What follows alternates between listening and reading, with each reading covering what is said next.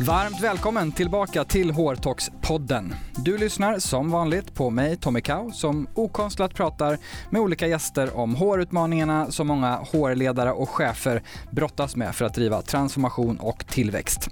Om du idag funderar på varför du ska lyssna på det längre avsnittet så är det för att där pratar Lena Bjuner mer om det hon ser som nästa stora förändringsvåg inom HR, nämligen AI. Och hon ger även sin syn på HRs framtida utmaningar. Du får även fler av Lenas tips, höra mer om hennes egna resa i karriären och hennes tankar inför nya jobbet på Sveriges hårförening. Hon ger också sina tydligaste hårspaningar och avslöjar såklart sin bästa håridé. Lyssna på den långa versionen om du vill få ut mer av denna inspirerande och hyllade hårledare. Och lyssna för all del på bonusavsnittet för att höra Lenas svar på alla inkomna lyssnarfrågor. Hej och otroligt välkommen till ett avsnitt i HR-talks-podden som handlar om digital transformation och företagstransformation från HR-chefsstolen och om vad nästa stora förändringsvåg, nämligen AI, väntas betyda för HR.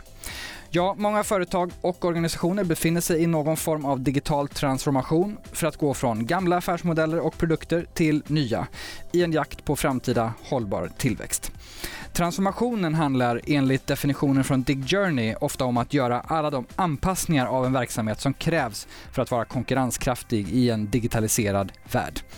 Samtidigt visar en global studie förra året från IDC att drygt 6 av 10 företag fortfarande befinner sig i startgroparna på den här resan.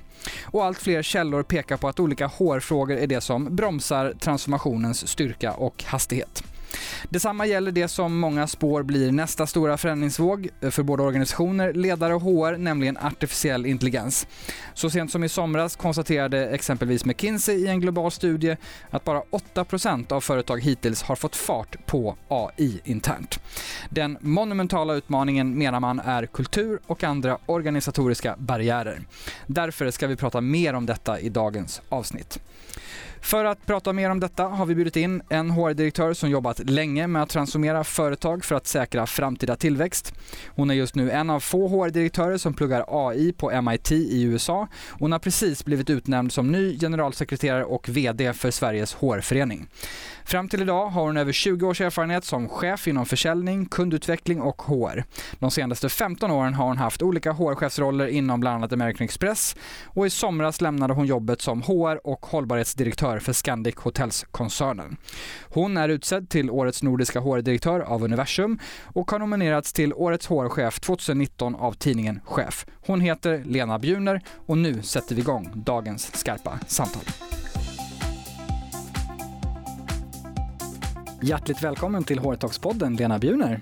Tusen tack Tommy. Stort grattis till att börja med till nya rollen som generalsekreterare och VD för Sveriges HR-förening. Tack så mycket.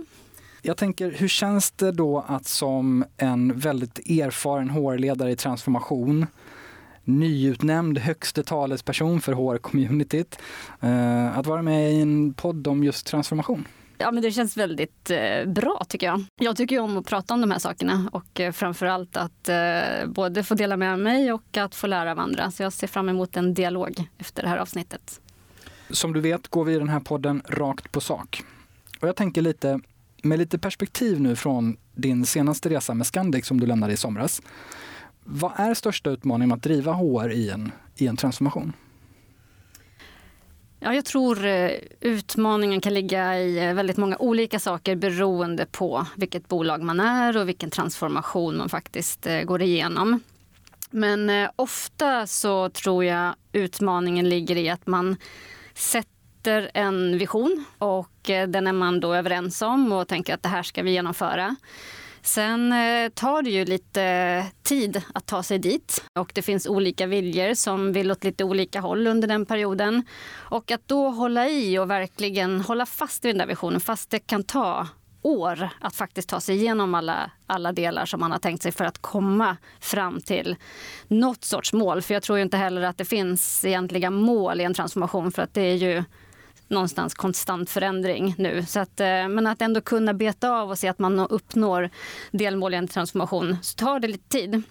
Och jag tror att eh, det är att hitta balansen mellan att låta delar av organisationen göra det som de behöver göra för att kunna eh, hantera sina utmaningar ihop med att hålla ihop det som faktiskt måste hållas ihop för att man ska kunna ha en framfart och ta sig igenom transformationen. Där ligger lite utmaningar tror jag. Och i det så tror jag att, eh, att inte glömma bort att eh, involvera och att kommunicera. Det är liksom genom hela, att inte tappa det utan eh, hålla igång det. Du jobbade mycket med transformation på American Express eh, och Scandic har ju haft en, en rejäl resa de senaste fyra fem åren. Utifrån sett eh, för många en, en lite av en framgångssaga. Eh, vad skulle du säga om vi tar oss tillbaka till början? Eh, beskriv utmaningen ni stod inför 2014-15 när, när, du kom in och så att säga, vad, vad var bakgrunden? Men bakgrunden var att eh, det var ett väldigt naturligt tillfälle för eh, Scandic och oss på Scandic att göra en, eh, en riktig genomlysning av bolaget, vilka vi var, Eh, var vi var på väg och vilka vi eh, ville bli. Och eh, vi stod inför en börsintroduktion som sen också skedde i december 2015. Det var liksom våran eh, startställe och vi startade med andra ord inte ur en kris eller någonting sånt utan ett väldigt välskött, bra bolag, väldigt effektivt. Men också med en resa framåt. Och det vi kunde se där och då det var ju att eh, de digitala utmanarna fanns ju för oss eh, i stort sett genom hela vår gästresa. Så att eh, både i bokning, där har vi både partners och utmanare så att säga. Och, eh, när man kommer till hotellet, där är det plötsligt väldigt viktigt att man direkt kan få sin eh, sin service från den man träffar och sin bästa hotellupplevelse eftersom det direkt kan spridas i sociala medier och, eh, och ratas och så vidare. Så att, att liksom få ut eh, ansvaret blev väldigt, väldigt viktigt för oss. Och samtidigt så såg vi när vi tittade på vår medarbetarundersökning att inte ens hälften av våra medarbetare upplevde att de kunde fatta beslut inom ramen för sitt eh, jobb. Och där fanns det liksom ett jobb att göra för vår framtid. Om man, om man går lite igenom eh, resans olika steg, så att säga, var, var, hur börjar man en, en sån här resa? Men vi började med att verkligen jobba igenom vilka är vi, eh, hur ser vår affär ut eh, och vart är den på väg. Eh, och det gjorde vi eh, så tillvida att vi eh, la väldigt mycket engagemang som ledningsgrupp i att arbeta fram det och involverade också många andra i att eh, vara med i att arbeta fram vad som skulle vara vår vision, vår mission och våra värderingar. Vi la också tid på att eh, tänka till på vad som var vårt future state inom olika områden. Så hur skulle det kännas och vara på Scandic år 2020? utifrån eh, ett antal områden. Och eh, vi arbetade också fram how to get there, eller liksom hur ska vi då ta oss dit i stora penseldrag. Och för min del så blev eh, ju då det future state som vi valde att döpa till inspiring culture mitt liksom, huvuduppdrag. Och vad börjar man där då? Vad är grundplattan som ni börjar jobba med? Steg ett för oss i det här blev att jobba med värderingarna. Jag tror att det är där man måste börja. Och eh, i och med att vi såg utmaningen i att flytta ut mandat till våra medarbetare och bli snabbare på det sättet och öka innovationsmöjligheten så var det där vi också behövde lägga lite tid. Och vi jobbade igenom värderingarna. Scandic är ett väldigt värderingsstyrt bolag. Mycket fint att ta med sig från lång historik. Be caring, be you, be a pro bra, bra värderingar att, eh, att bygga vidare på. Men vi la också till en värdering som hette Be Bold och som stod för just det här att eh, låta våra medarbetare prova nya vägar, eh, våga göra misstag och lära utav dem och så. Våga ta beslut som du sa våga förut. Ta, mm. Precis, våga ta beslut. Agera där och då i stunden när man ska leverera till gästen.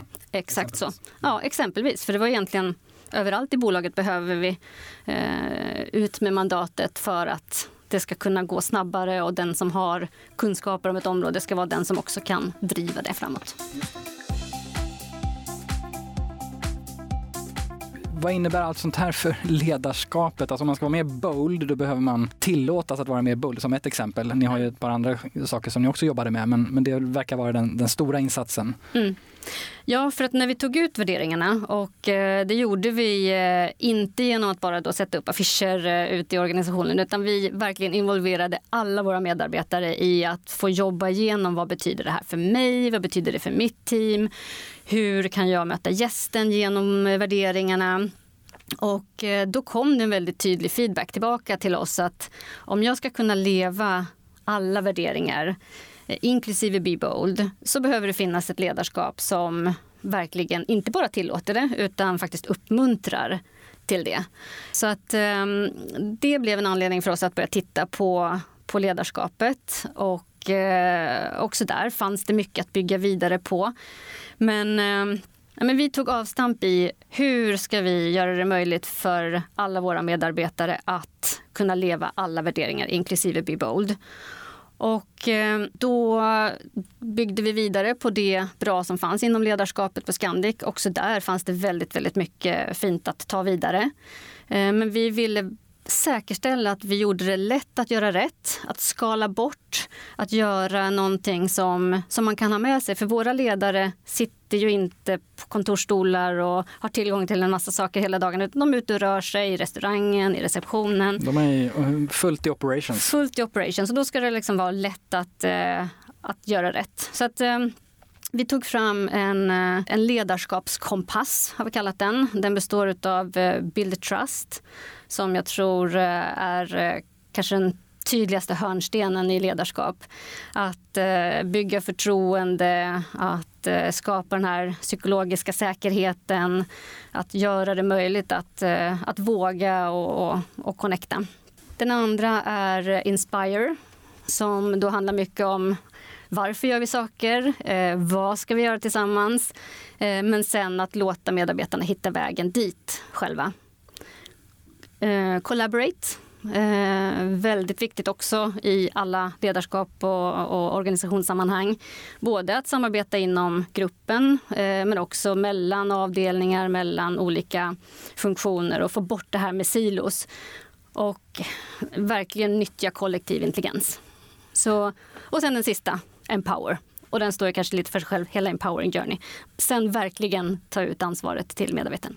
Och där vet jag att ni har pratat tidigare eh, bland annat om att, att, aktivera de 18 000 beslutsfattarna mm. som en, eh, ja nästan som en tagline kanske, men som en idé och en filosofi. Exakt. Det hänger ihop med den Empowering Journey. Ja, men så för att konkludera så tycker jag att ledarskapet och det som vi skapade och som det som jag verkligen själv står för, det är ju Build Trust, Inspire, Collaborate och Empower. Och eh, det var ledarskapet. Så jobba genom värderingar, be more bold, möjliggöra boldness eh, i hög utsträckning via ledarskapet. Eh, vad, vad blev så nästa steg?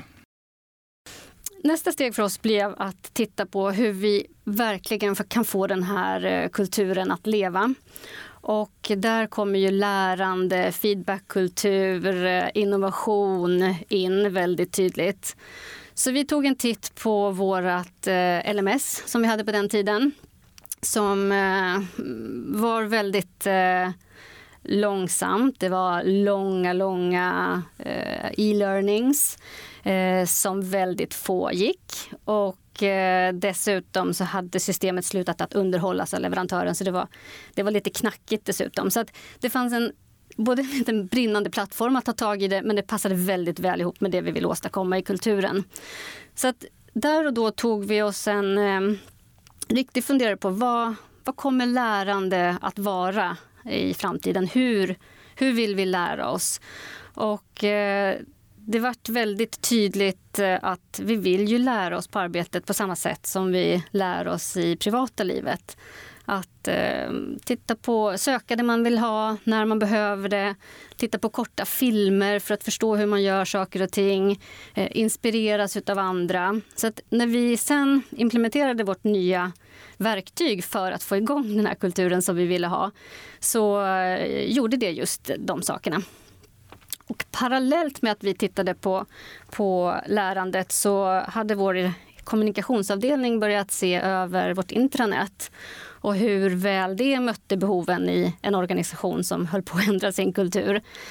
Och såg samma sak där och egentligen samma trender. Så vi eh, slog ihop oss och jobbade tillsammans och eh, implementerade en gemensamt verktyg för lärande och intern kommunikation. Mm, superspännande, för båda de driver verkligen kultur och beteende. Och vill man höra mer om hur ni har tänkt och jobbat kring eh, learning på Scandic Hotels under de här åren eh, och mycket av det ni har blivit hyllade för så kan man såklart lyssna på avsnittet med Siri Vikander och Lars Häggström där Siri som jobbar på Scandic berättar mer om det arbetet och hur ni har tänkt, vad ni har gjort och vad ni har lyckats med. Så fördjupar vi oss inte mer i det just här och nu. Och vad kan vi säga till lyssnare som nu funderar på hur man faktiskt får till det här? Det är väldigt många i en sån här resa som ska ta en del vågade beslut, satsa en hel del pengar. Vad var det som fick det att hända? Hur fick ni till det här att alla gick med på det ni ville göra när många upplever att man kanske står och stampar och kämpar? Vad var det som, som ni lyckades med tror du? Jag tror att eh utgångspunkten ligger där 2015. Att vi gjorde ett så grundläggande arbete tillsammans, hela ledningen, alla funktioner och också bestämde hur ska den här resan se ut och vart vill vi att vi ska komma. Så att det gjorde ju att vi hade en roadmap, om en lite, lite rough, att, att hålla oss till och som alla var med på. Så det tror jag var en stor, eh, en, en stor mm, möjliggörare för oss. För det här passade så väl in i det som vi vill åstadkomma. Sen eh, tror jag en viktig sak är att, eh, ja, att involvera tillräckligt många. Att eh, få en möjlighet att vara med och tycka och tänka och se både, både centralt och lokalt och i olika funktioner så att man verkligen får in många, många aspekter. Sen tror jag att man behöver vara lite nyfiken och lite påläst. Eh, det ska liksom inte underskattas att kunna komma med fakta och, och kanske artiklar eller eh, data som, som visar varför en förändring skulle hjälpa oss framåt som organisation. Mm. Så att, eh, i kombination tror jag, en, en roadmap, eh, en tydlig vision, det ska passa in där för det ska ju stärka verksamheten. Det är därför vi ska göra saker, inte för någonting annat. Och eh, när det gör det, och man har fakta och underlag och kan visa på ett business case som faktiskt eh, ser bra ut, då, då kommer vi igenom. Och sen en eh, sak till som jag inte sa, men det är ju prioritera. För är det någonting som är jättelätt att det händer inom HR så är det att man sprider sig för tunt. Att man liksom blir och levererar på så många olika saker så att man kommer inte så mycket framåt. Och här jobbade ju vi varje år med att sätta vad som var vårat ett eller två stora saker som vi skulle åstadkomma varje, varje år egentligen. Big bets. Big bets. Och, och de tog vi fram inom HR och var överens om inom HR. Eh, vi också tog beslut eh, kring dem i koncernledningen och så jobbade vi från dem. Och då kunde man liksom säga nej till lite andra saker, för de här sakerna har faktiskt sagt är de allra viktigaste. Och jag tänker att om man gör en sån här transformation, vare sig det startar i kris eller, eller mer kanske möjlighet, som i ert fall, så vill man ju kanske gå in och mm, jobbar jobba med lite alla olika delar av, av HR och andra områden också. Eh, ni har gjort det i en viss ordning och det finns ju andra som kanske gör en helt annan ordning. Men, men hur ser du, måste man göra det i den här ordningen som ni har gjort? Jag, jag tror att man måste börja med kultur och ledarskap. Det tror jag liksom det är svårt att börja i någon annan ände. För om inte det står bakom och är, eh, är i kontakt med det som man vill åstadkomma så är det väldigt, väldigt svårt. Så där tror jag faktiskt att man måste börja. Om man inte redan har det på plats så som man vill ha det, då är det ju fantastiskt. Då kan man ju gå vidare därifrån. Men om det finns saker som man måste ändra i kultur och i ledarskap så är det där man måste börja. Och sen så, sen tror jag att man kan ta lite olika vägar, lite beroende på vad som är viktigast för just eh, det här bolaget eller vad det är som är eh, kanske mm, ja, men mest eh, mest fokus på eller som skulle göra störst skillnad för affärsresultatet. Så där tror jag att man kan ta lite olika steg vidare sen. Och ni kom egentligen eh, lärande, kommunikation lite grann, talang, mm, som paketeringen, employer branding och de bitarna. Och sen är det, det kan man väl vara öppen med att säga också att det finns saker som ni inte har hunnit ta i, eller som, som ni inte hann ta i, åtminstone fram tills att du lämnade. Helt korrekt. Ja, definitivt. Det finns många saker och det är väl det som är just grejen. Att det är ju, kliar ju i fingrarna att sätta igång med massor med saker eh, direkt och hela tiden. Men eh, ska det hända och ska det liksom göra en skillnad så måste man hålla i det som man har eh, har tänkt att man vill åstadkomma. Och vad kan man, så här i efterhand, nu har det gått fyra år, lite drygt. Vad kan man se för resultat av allt det här arbetet ni har gjort? Vi har ju kunnat mäta resultat eh, från det att vi började att jobba med det här, men de har hela tiden utvecklats år för år, vilket har varit det som har varit otroligt inspirerande. Och de resultaten vi ser är ökat medarbetarengagemang genom hela organisationen. Eh, vi ser eh, ökad innovation eller eh, våra medarbetare säger att om jag kommer med en idé så tas den om hand. Stor ökning på det. Så den känslan? När känslan, man blir till mm. precis. Och vi ser också det som var utgångspunkten, det här med empowerment, om jag kan fatta beslut, har också ökat genom hela organisationen och markant. Så där ser vi liksom interna resultat utifrån jobbet. Vi ser också resultat hos våra gäster och i deras gästnöjdhet. Eh, vårt NPS har också höjts under den här perioden och eh, över liksom hela bolaget. Så att, trevliga och tydliga resultat. Om man drar ut den här förändringsresan som, som du hade förmånen att jobba med under ett antal år på, på, på Scandic, eller egentligen som, som HR-direktör generellt. Om man drar ut den förändringsresan, vad ser du kommer vara nästa stora våg för, för HR och i transformation. Nästa stora våg kommer att handla om AI och möjligheterna som vi eh, kan se när det tillämpas allt mer i framtiden. Och när jag då tänker AI och pratar AI så, eh, så ser jag mycket det som är liksom samarbetet mellan människa och maskin. Att det finns saker som vi människor kan göra idag eh, och det finns saker som maskiner kan göra idag. Men det finns saker som vi kommer kunna göra som vi inte kan göra idag om vi samarbetar och tar ut det bästa av båda.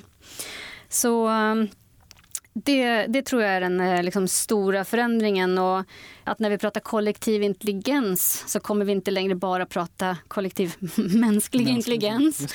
Utan där i den mixen kommer vi också ha maskin eller teknik. Och jag nämnde inledningsvis att du är en av få HR-direktörer nu som, som pluggar eh, AI eller fördjupar dig i AI väldigt dedikerat på eh, MIT i, i, USA.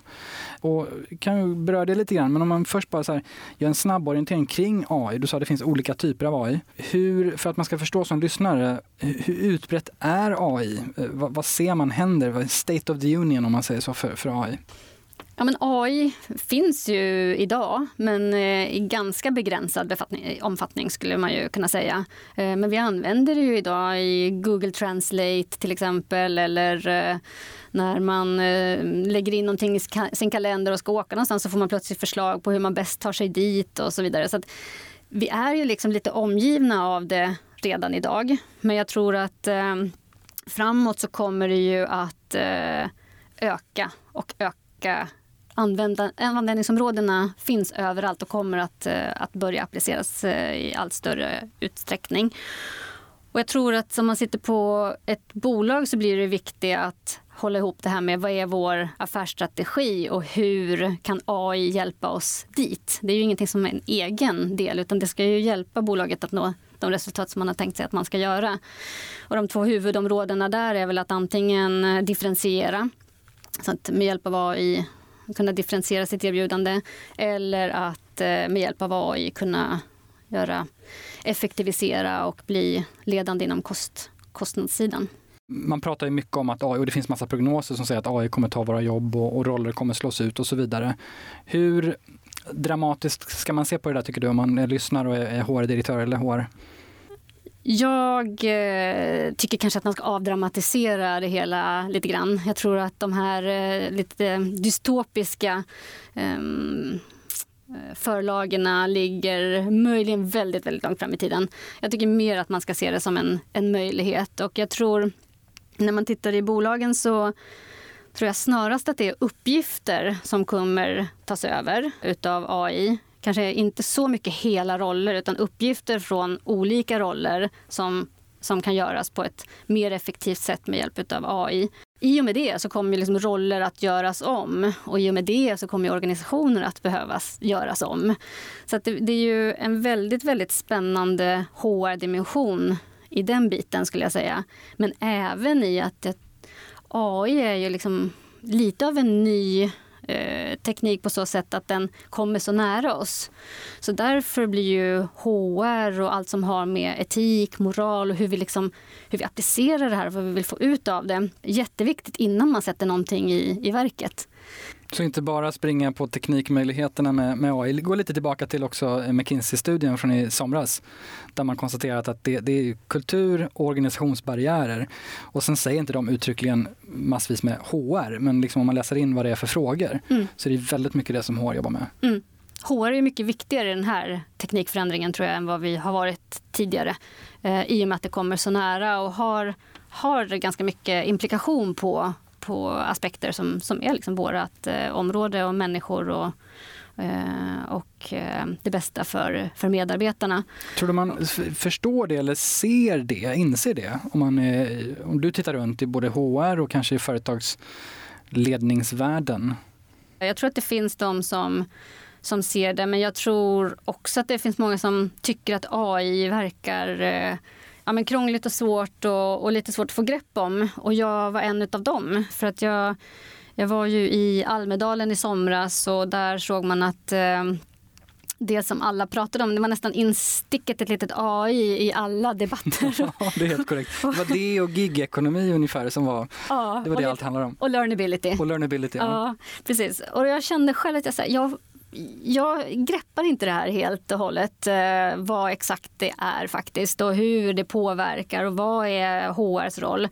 Och det var därför som du nämnde att jag, att jag läser vid MIT och det är ju inte det som alla behöver göra men det var mitt sätt att försöka ta reda på hur, hur vad är det här och vad, vad hur påverkar det? Hur ska vi tänka utifrån eh, bolag? Och, och, jag är inte intresserad av den tekniska delen. Jag är, kommer inte liksom att lära mig att koda eller, eller gå in där. Men jag, och det är kanske inte är det man behöver göra som nej, lyssnare heller nödvändigtvis? Nej. nej, utan jag är extremt intresserad av hur påverkar det här medarbetare, organisation, kultur? Vad, vad är det där som vi behöver tänka på?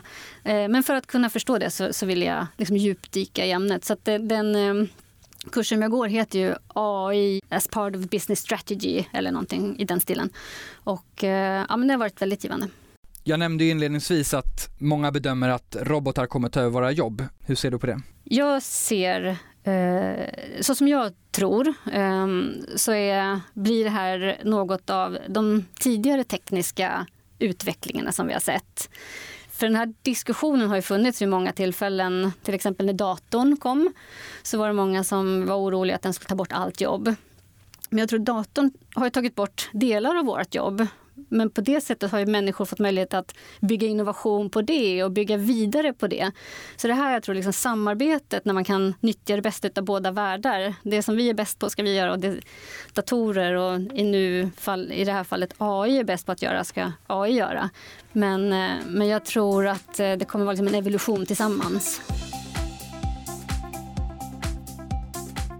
Nu går du som sagt in i en ny eh, tung och viktig roll i HR-världen. Låt oss prata lite om, om det och din, din nya roll och vad du kanske ser framför dig. Eh, när vi spelar in det här så har det precis blivit officiellt som sagt att du eh, från och med den 2 december börjar som generalsekreterare och VD för Sveriges HR-förening. Tänkte vi kunde ge lite teasers kring eh, dina tankar och ditt uppdrag. Men kanske först och främst eh, bara ge en hissversion om vad är det för organisation som du faktiskt blir högste chef för nu? För de som inte helt känner till. Mm. Eh, Sveriges hårförening är en, eh, en väldigt anrik förening. Den startades redan 1921 av eh, Kerstin Hesselgren som är en otroligt eh, cool person. Modig, driven eh, kvinna. Också den första kvinnan som eh, satt i riksdagen. Så eh, hon startade den här organisationen och eh, sen har den funnits sedan dess i lite olika former och format och eh, är idag en en medlemsorganisation med över 7000 medlemmar och eh, som vill vara en gemensam punkt för oss som engagerar oss i HR-frågor. Eh, jobbar inom HR, vill jobba inom HR, studerar HR, eh, både i eh, offentlig sektor och i, eh, i eh, näringslivet. Och tanken med föreningen är ju att här ska vi kunna lära oss tillsammans, inspireras eh, av varandra, dela med oss till varandra och eh, kunna hjälpas åt. För HR kan ju vara ett ganska ensamt jobb också i många sammanhang. Och min förhoppning är att det här ska bli plattformen där vi, eh, där vi tillsammans hjälps åt. Då ska vi avrunda. Så vilka är då de viktigaste insikterna från det här samtalet som vi vill skicka med till lyssnarna lite summerat? Om vi börjar med de främsta utmaningarna som, som du Lena ser med att driva HR i transformation. Vad ska vi skicka med som summerande? Största utmaningen tror jag är att eh, hålla i när det tar tid. Och eh, jag brukar ibland eh, ehm, tänka på det här med transformation som samma sak som att re renovera ett badrum. Eh, och det är ju perioder när eh, när det kommer att vara lite tuffare. Så du står inför att renovera ett badrum. Det fungerar idag men det är ganska fult. Eh, och eh, kanske lite knackigt och trasigt här och där, men fungerar. Ta tag i det, eh, ta tag i transformationen, eh, river ner kaklet, kastar ut alla sakerna då kommer det vara en period när, eh, när åsikterna kommer att ja, men det här blev ju verkligen inget bättre. Det här var ju sämre än vad vi hade. Att då, Väldigt många kan känna igen sig ja, i den här liknelsen. att då liksom hålla i och jobba vidare och få upp kaklet och få in toalettstolen och handfatet och allting igen. För att sen se resultatet av det som man faktiskt har åstadkommit och att det är mycket bättre. Men eh, det, det är mitt största råd när det gäller transformation. Uthållighet. Yes. Om du skulle eh, skicka med och summera de främsta konkreta sakerna som du själv har jobbat med när du har drivit transformation för att möta den här utmaningen. Vad skulle det vara? Ja, men det skulle vara det som, som vi har pratat om, att, att eh, tillsammans besluta vad det är som är agendan och vad det är man vill uppnå. Eh, och sen att prioritera, hålla ihop och, eh, och kommunicera och involvera. Vad tycker du vi ska prata mer om i HR-talks-podden i kommande avsnitt om du vill skicka med lite tips till oss? Jag skulle jättegärna vilja höra mer om eh, bolag som har kommit en bit eh, och hur man har tagit sig dit när det gäller eh, transformation, förändring. Jag tror att ju mer vi kan höra från olika håll och olika infallsvinklar, ju mer kan vi lära. Stort tack Lena Bjuner för att du ville vara med oss i HR-talks-podden. Det har varit ett sant nöje. Tack snälla, detsamma. Det var ännu ett skarpt samtal i HR-talks-podden. Stort tack till dig som lyssnat och vill du höra svar på lyssnarfrågorna så ska du klicka in på bonusavsnittet med Lena Bjuner, alltså tillträdande generalsekreterare och VD för Sveriges hårförening. Gillar du podden kan du prenumerera på den i Apple Podcast eller Spotify och följ oss mer än gärna på HR-talks-podden på Instagram och LinkedIn. Hårtalkspodden ges ut av Kao Company, produceras av Mediemera och du hittar som vanligt all info på hårtalkspodden.se. Tack för idag.